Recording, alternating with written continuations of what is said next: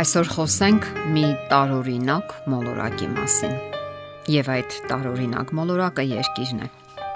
Եկեք պատկերացնենք, թե ինչպես են մեր երկիր այցելում այլ մոլորակայինները։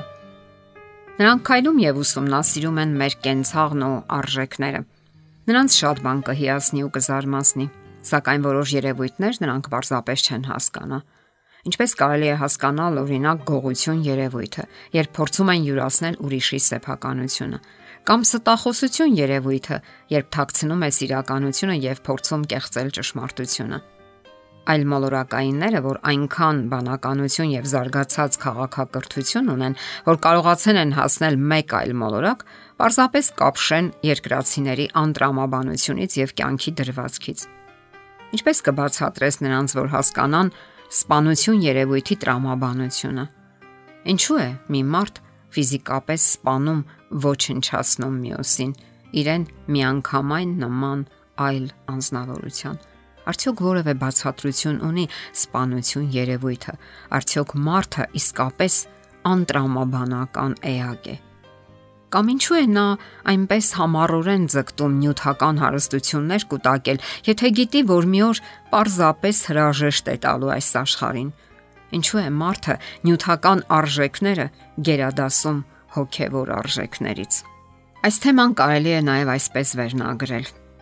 Beatles-ի ֆենոմենը։ Ջոն Լենոնը Beatles նշանավոր խմբի հիմնադիրներից մեկը մահացավ ունենալով հսկայական քանակի այսպես կոչված խաղալիքներ, մեքենաներ։ 1980 թվականին, երբ նրան գնդակահարեցին Նյու Յորքի փողոցներից մեկում, նրա կարողությունը գնահատվում էր 550 միլիոն դոլար։ Բայց ինչպիսի ժառանգություն թողեց նա իրենից հետո։ Իր որդուն Ջուլիանին, որից Լենոնը հրաժարվել էր, երբ տղան ընդամենը 5 տարեկան էր։ Հետագայում Կալգարդի Հերալդ ամսագրում հրապարակված հարցազրույցում նա կասի. Միակ բանը, որ ինձ սովորեցրեց հայրս, այն էր, թե ինչպիսի հայր չպետք է լինել։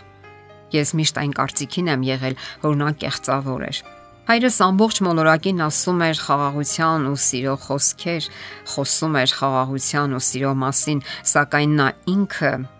այն չէր դրսևորում նույնիսկ այն մարդկանց հանդեպ, որոնք պետք է որ լինեին ամենաթանկագինը նրա համար՝ կինն ու որդին։ Ինչպես կարող եք դուք խոսել խաղաղության ու սիրո մասին եւ միաժամանակ չշփվել սեփական ընտանիքի հետ, դավաճանել եւ ի վերջո բաժանվել։ Եթե դուք հավատարիմ եք ձեզ, երբեք նման կերպ չեք վարվի։ Իսկապես անտրամաբանական մոտեցում է Իսկ մի անգամ խմբի երկրորդ մասնակցին Փոլ Մակքարթինին այսպիսի հարց տրվեց. Beatles խումբը քարոզում էր նյութապաշտության դեմ։ Այդ ինչպես ստացվեց, որ Լեննոնն իրենից հետո նման հսկայական կարողություն թողեց։ Մակքարթնին պատասխանեց. Նյութապաշտության դեմ։ Ախր այդ բոլորն առասպել է։ Պատահել է նույնիսկ այսպես։ Մենք Ջոնի հետ նստել ենք ու ասել. Իսկ այժմ արի ինչ որ բան գրենք, որpիսի փող փոկենք եւ լողավազան գնենք։ Լենոնը մահացավ որպես հարուստ մարդ, իսկ որքանով էր նա հարուստ հոգեվորապես եւ դրանցից որն է ավելի կարևոր։ Եկեք մտորենք։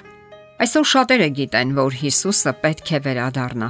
Ոմանք էլ սպասում են նրա վերադարձին եւ պատրաստվում այդ աշխարհացուն ծիրադարձությանը։ Իսկ սпасել Հիսուսին նշանակում է քարոզել նրա մասին, պատմել նրա առաջին գալստյան մասին,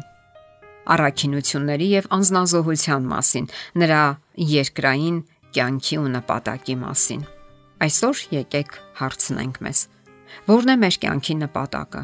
Հանուն ինչի ենք մենք ապրում Արդյոք երկրային հարստությունն ու հոգսերը այնպես են կլանել մեզ, որ այլևս չենք հիշում հոգևոր արժեքները, այնպես ենք թաղվել հոգսերի եւ ունայնությունների մեջ, որ դեպքից դեպք ենք աղոթում։ Իսկ Աստվածաշնչի մասին հիշում ենք այն ժամանակ միայն, երբ ցանկանում ենք մաքրել նրա վրայի փոշին։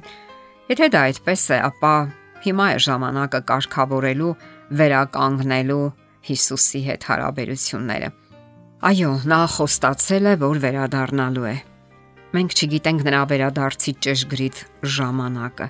սակայն վստահ ենք, որ նա վերադառնալու է։ Մենք կենթանի լինենք այդ ժամանակ թե մահացած, կարևոր չէ, որովհետև երկու դեպքում էլ պատասխան ենք տալու մեր կյանքի համար, մեր արարքների ու գործերի։ Սակայն որքան էլ մարդն ասի, որ հավատում է Աստծուն, բանականությունը, որ պետք է վերահսկի ողջ մարմինը, հաճախ զիջում է զգացմունքներին։ Խլեք բանականության հսկողությունը եւ մարմինը կհետևի զգացմունքներին։ Ահա թե ինչու կյանքում ստացվում է այնպես, որ տրվում ենք այս ռոպեական բռնկումներին եւ շեղվում ճիշտ ճանապարից, բախվելով բազմաթիվ դժվարությունների։